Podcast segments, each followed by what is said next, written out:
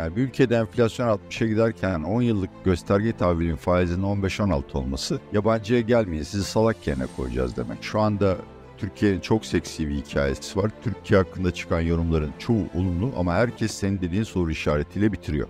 Erdoğan ne kadar sebat edecek? Şu ana kadar içtiklerimizi acı ilaç diyorlarsa o hiçbir şey değil. Hiçbir şey değil. Daha ne acı ilaçlar gelecek.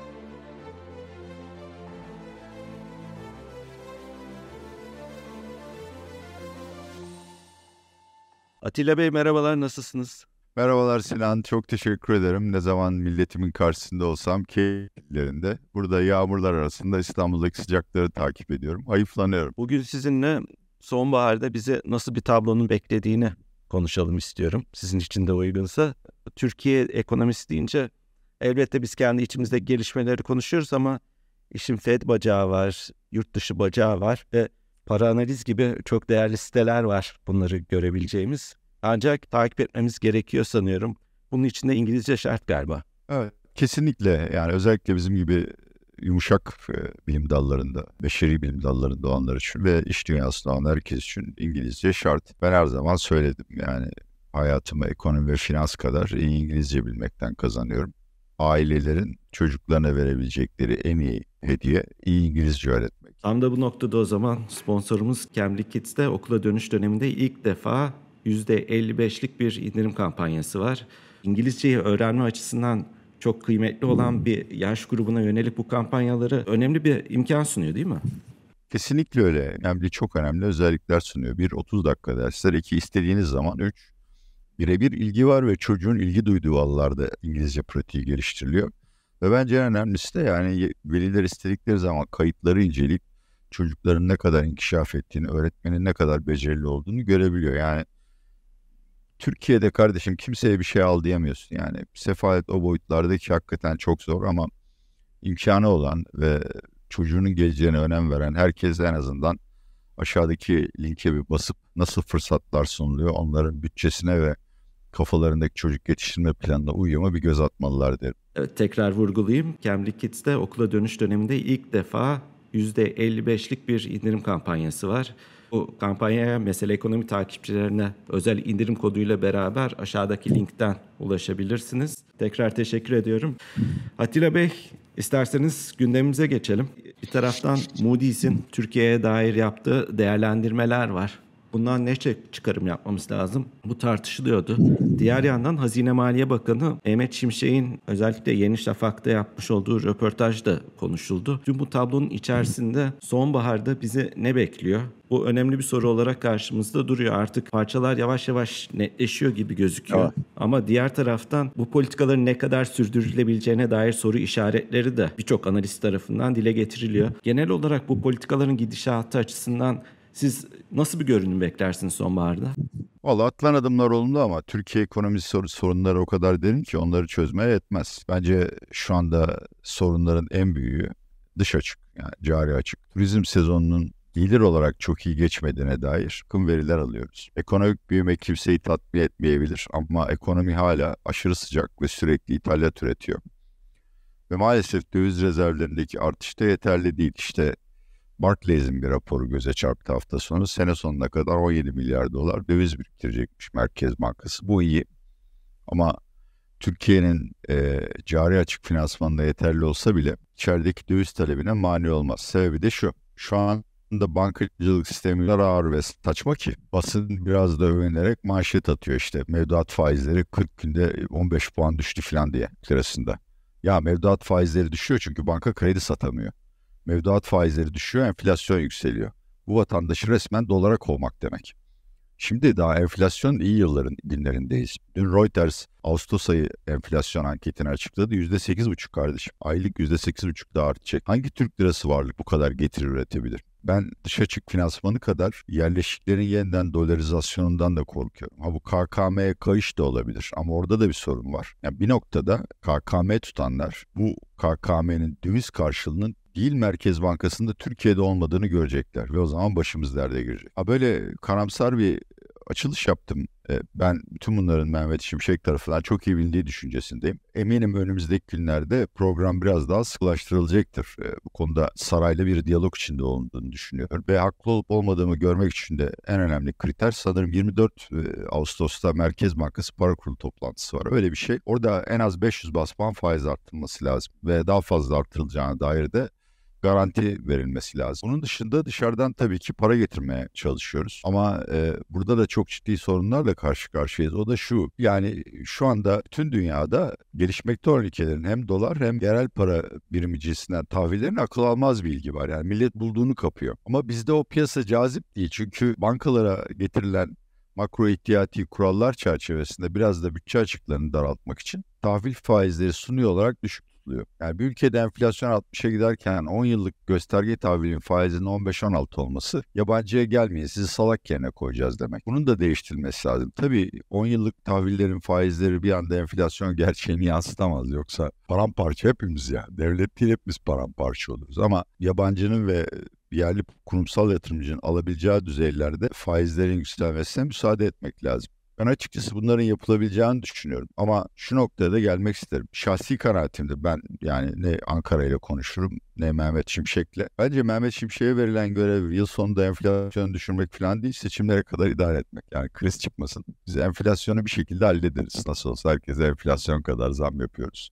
yerel seçimleri kazanalım sonra karşıma gel Mehmet diye bir görev verildi. Ben bunun başarılacağını düşünüyorum. Yani tüm bu söylediğim e, negatif e, görüşlere rağmen hani kış aylarında bir döviz krizi çıkması için e, pek çok şeyin bir araya gelmesi lazım. Bir siyasetin yeniden karışması lazım. İkincisi e, onu yakından takip edelim. El Nino ve Ukrayna Savaşı nedeniyle tarımsal emtia fiyatlarının yükselmesi enerji fiyatlarının zaten yükseleceğini düşünüyorum. Ama petrol için geçerli. Petrol de bizim zaten Rusya'dan e, iskonto ile aldığımız bir şey. Ama e, Avrupa'daki bir takım gelişmeler beni e, doğal gaz fiyatlarında yükseleceğini düşünmeye zorluyor. Eğer bu olursa gerçekten çok zor bir dönem geçiririz. Türkiye'de herhalde bir kriz çıkmaz ama yani yine bir 21 Aralık türünden döviz çalkantısı vesaire karşıma gelebilir. Özetle e, biraz daha perspektifi genişleterek son bir şey söyleyeyim. Türkiye için en kritik ay Ekim. Ekim sonuna geldiğimizde birkaç şeyin gerçekleşmesi lazım. Bir, şu anda piyasada en yaygın algı Sayın Cumhurbaşkanı Gaye Erkan'a sene sonuna kadar faizleri %25'in üstüne çıkartma dedi. Bu algının kırılması lazım. Faizlerde bir Cumhurbaşkanı tavanı olmadığı, ekonomik konjonktüre göre yükseltilebileceği mesajı muhakkak yatırımcılara ve ekonomiye verilmeli. İki, Merkez Bankası'nın o tarihte en az bir 20 milyar dolar rezerv biriktirmiş olması lazım ki yerli yatırımcıyı ikna etsin Türk lirası varlıklarda kalmaya. 3. Mevduat faizlerinin yanında kredi faizlerinin tamamen liberalleştirilmesi lazım. Yani kredi faizlerinin yükselmesine müsaade etmek lazım. Dört de bence en önemlisi dış politika iki şey olacak. Bir, Türkiye İsveç'in üyeliğini onaylamalı ve Amerika'dan da F-16 siparişinin onaylandığına dair haber gelmeli. Ve Avrupa Birliği Ekim ayında muhtemelen Türkiye ile e, vize serbestisi ve gümrük birliğinin yenilenmesi konusunda görüşmelerin yeniden başlayıp başlamamasını tartışmaya yatıracak. O döneme kadar Avrupa ile temasların güçlendirilmesi, oradan hayırlı bir haber gelmesi lazım. Ben bunların mümkün olduğunu düşünüyorum ama yani dediğim gibi hani daha fazla somut gelişmeye ihtiyacım var. Eğer bunları geç, becerebilirsek hem piyasalar hem ekonomi anlamında çok daha rahat bir kış geçiririz ve yerel seçimlerin sonuçlarını takip ederiz. Yok e, politikada bir yeniden U dönüş yani eskiye dönüş görürsek e, gerçekten e, kışı çıkartamayabiliriz. Biz Mehmet Şimşek'e verilen görevin e, birazcık seçime endeksli olarak verildiğini, enflasyondan bağımsız bir konu olduğunu vurguladınız. Görevi böyle tanımladığımızda politika faizinde atılacak adımların esasında sizin beklentiniz o çizdiğiniz senaryoda gibi olumlu olarak yapılması gereken, erişilmesi gereken hedeflere erişildiği bir senaryo mudur? Yoksa yasalarda daha sık olarak dillendirilen politika faizinin %30'un altında kaldığı %25 sınırında tutulduğu bir senaryo mudur? Valla açıkçası tabii bunlar son derece spekülatif. Ama ben Sayın Erdoğan'ın bu sefer bu ortodoks politikalarda daha kararlı olacağını ve daha uzun soluklu olacağını düşünüyorum. Mehmet Şimşek'in de açıkçası 2024-2025'te her görevde kalacağını düşünüyorum. Şimdi burada ekonomiyi soğutmak için faiz politikası yerine kredi politikası kullanılıyor. Yani ticari krediler tamamen durdu tüketici kredilerinde de faizlerin artmasına izin verilerek o, o da baskılanıyor. Bu para politikası kadar olmasa bile işe yarar. şu şekilde yani tüketici kredi bulamazsa ipotekli ev alamaz, araba alamaz, iş tüketim daralır. İş dünyası da maalesef üretimi yeteri kadar arttıramaz ve sabit sermaye yatırım yapmaz. Bunlar da iş talebi körükleyen faktörlerdir. Bunların da azalmasıyla iş talebi azaltırsınız. Dolayısıyla e, faizleri enflasyonu gerçekten bastıracak veya kur istikrarını sağlayacak 60'a 65'e çıkartmanız gerekmez. Ama ben 25-30 gibi rakamların çok yetersiz kalacağını düşünüyorum. Bir kere Merkez Bankası sene sonunda enflasyonun 60'a, gelecek senede 33'lere falan e, düşeceğini söylüyor.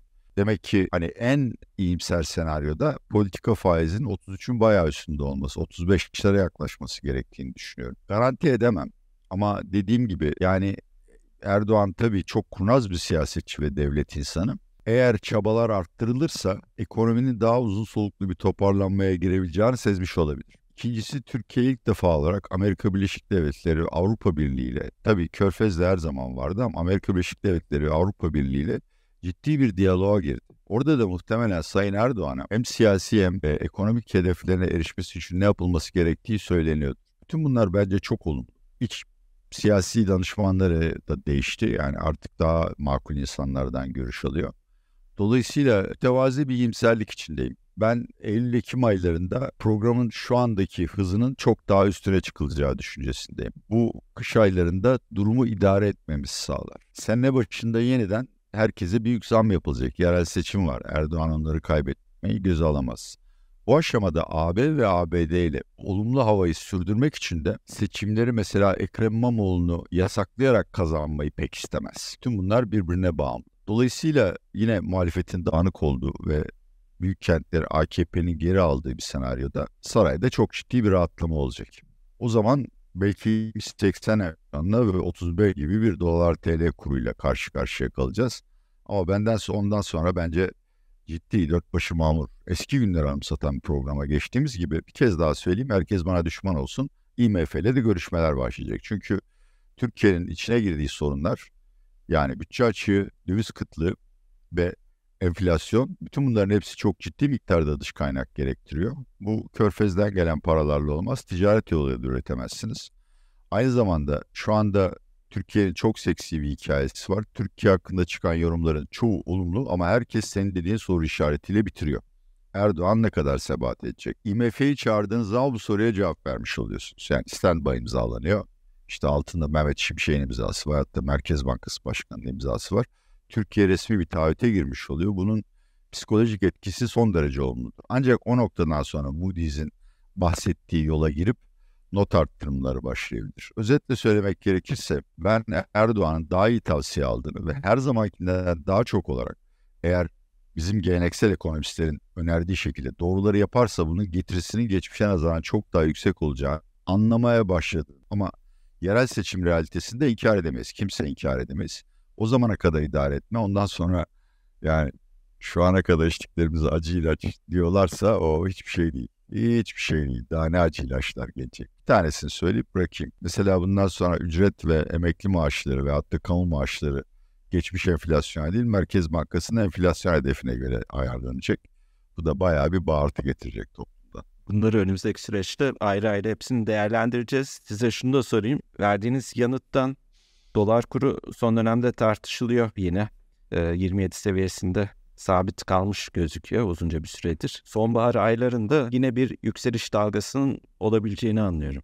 Evet kaçınılmaz yani şimdi ekonomi eğer para politikası yoluyla terbiye edemiyorsanız döviz kurunun gitmesine müsaade edeceksiniz. Şu anda dünyada ciddi bir dış ticaret resesyonu başladı.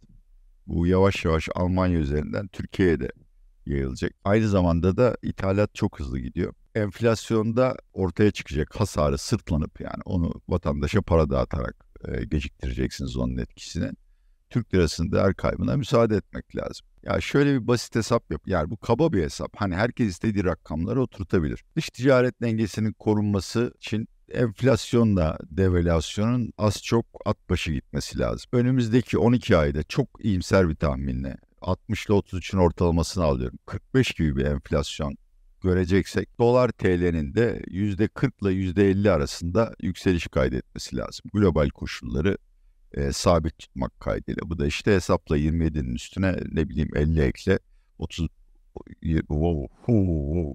Ama işin matematiği bu şekilde yani. Buna engel olmak için Merkez Bankası ne yapabilir? Pek fazla bir şey yapamaz. Sorun da orada zaten. Yani Merkez Bankası'ndan öyle bir görev konulmuş ki bir, yerli bireyselden gelecek talebi karşılayacak. İki, cari açık finansmanı da bankaların karşılamadığı ve hazinenin karşılamadığı miktarı karşılayacak.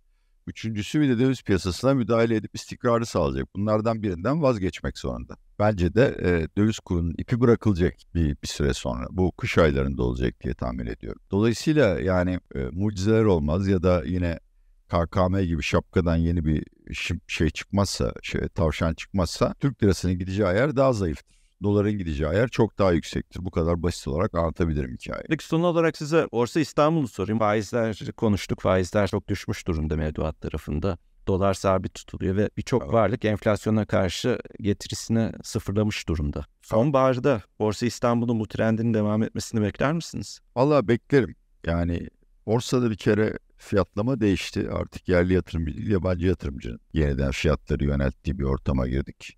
Yabancı yatırımcı da olumlu. Şimdi borsa yatırımcısı ile tahvil yatırımcısının karakterleri değişiktir. Herkes de tek bir kaba koyamayız ama borsa yatırımcısı bir bu seksi hikayelere daha çok önem verir. Tahvilciler biraz daha matematik hesabı yaparlar, makroekonomiye bakarlar. İkincisi Türkiye'nin tek seksi hikayesi bu da değil. Yani körfez ülkeleriyle ilişkilerin gelişmesinden yararlanabilecek onlarca şirket var. Üçüncüsü hiç kimsenin pozisyonu yok borsada. Dördüncüsü şimdi Türkiye'de enflasyon muhasebesi olmadığı için herkesin karlılıkları son derece yüksek gözüküyor. Bir de bunun üzerine hakikaten bankalar üzerine kısıtlamaları kaldırırsanız bundan tabii holdingler ve leasing şirketleri de yararlanıyor. Ortaya çok güzel manzara çıkar ve e, yani gelişmekte olan ülkeler S&P 500'e göre oldukça ucuz. FK fiyat defter değeri bazında. Türkiye onlara da göre de daha ucuz. Dolayısıyla yani bu haber akımı iyimser tarzda devam ederse ki bence Mehmet Şimşek şu anda programın PR kısmını yani halkla ilişkiler veyahut da iletişim kısmını çok iyi yönetiyor. Çok ustaca, kurnazca yönetiyor. Borsaya para gelmeye devam eder. Yani gelen rakamlar Türkiye'yi kurtaracak gibi değil Sinan. Haftada 150 milyon, ayda 600 milyon dolar para giriyor. Bu bizim bir günlük ithalat ihracat şey talebimiz. Ama borsa için çok büyük paralar. Bir de ben tabii eski borsacıyım yani geçmiş günleri biliyorum. Pek değiştiğini zannetmiyorum ama tecrübem eski günlere aittir. Yani bir kere yabancı gelip bir kağıdı sahiplendiğinde hemen peşinden yerliler gelir. O kağıt daha da yukarı iterler. Özetle ben Türkiye'de çok büyük bir şok olmadıkça borsanın yönünün yukarı olduğunu düşünüyorum. Tabii bu süreç yani borsanın sürekli her gün artması şekli düşünülmemeli. Her boğa piyasasının ortasında ayı düzeltmeleri vardır. Bizde de o ayı düzeltmelerin geleceği yerlerden biri yine spekülasyon ve manipülasyonların başlaması lazım. Ee, bir kez daha izleyicilerimize hatırlatayım. Türkiye'de artık borsada oyun oynayanlar oldukça yüksek bir bilinç düzeyine sahip. VIOP'u da kullanarak piyasayı köşeye sıkıştırma, fiyatları suni olarak manipüle etme gibi oldukça üst düzey taktikler deniyorlar ve geçen sene de bunu gördük yani neredeyse bir, bir buçuk milyar dolar zarar çıktı birkaç aracı kurum batacak hale geldi. İşte bu noktaya gelebiliriz ve ciddi bir düzeltme yaşayabiliriz. İkincisi çok fazla halka ağız var. Yani ben şirketlerin ihtiyacını anlıyorum ve teşvik de ediyorum. Yani tabii ki borç kullanmak yerine öz sermaye kullanmak e, çok daha doğru. Ama bu mesela private equity yoluyla karşılanabilir. Bir şekilde artık yani borsanın kanının bu ikinci bu, bu halka arzlar tarafından emildiğini SPK ve Borsa İstanbul idaresinin görüp yeni kısıtlamalar getirmesi lazım. Benim borsada aktif olduğum günlerde çok sert kurallar vardı. İşte şu kadar yıldır faaliyette olacaksın, şu kadar yıl faaliyet karı göstereceğin, denetleneceğin vesaire bunların çoğu kaldırıldı. Ve bence e, borsada pek bir yaşama şansı olmayan çok piyasa kapitalizasyonu olan şirketler piyasaya girdi. Bunlar yani kurda kuşa yem olacak. Ben yalnız yatırımcı için değil şirket sahiplerine de söylüyorum. Yani borsadan elde edeceğiniz 20-30 milyon dolar size büyük para gibi gelebilir ama şirketinizin itibarını da kaybedebilirsiniz. Ama tüm bunların genel trendi değiştireceğini zannetmiyorum. Ha, ne değiştirdi? Dediğim gibi bir Türkiye'de şok. İkincisi şu anda gelişmekte olan piyasalara ilgi çok yoğun. Bu değişebilir. Nasıl değişebilir? Yani Fed artık parasal sıkılaştırmayı bitirdi. Amerika'da da resesyon yok. Dünyada resesyon yok. Her şey işte Amerikalıların Goldilocks dediği e, ballı lokma tatlısı şeklinde gerçekleşecek diye bir senaryo var. Bu senaryoyu değiştirecek her şey Ukrayna Savaşı'nın global bir jeopolitik riske dönmesi, gıda ve enerji fiyatları yüzünden Fed'in parasal sıkılaştırmaya devam etmesi ya da başka nedenlerden dolayı dolar endeksi ne bileyim yeniden 105-110 seviyesini görmesi o zaman Türk borsasında kaderini değiştirir. Atilla Bey tüm bu olasılıkları, gelişmeleri önümüzdeki süreçte konuşmaya devam edeceğiz sizinle. Size teşekkür ederken ben tekrar sponsorumuz Cambly Kids'e de teşekkür edeyim. Cambly Kids'te okula dönüş döneminde ilk defa bu kadar büyük bir indirim kampanyası var. %55'lik bir kampanya. Detayları ve kampanyaya katılmak isteyen izleyicilerimiz açısından katılım linkleri açıklamalar kısmında bulabilirsiniz. Tekrar teşekkür ediyorum. Atilla Bey çok sağ olun. İnşallah gelecek hafta yeniden birlikte olacağız ve inşallah daha hayırlı haberler vereceğiz.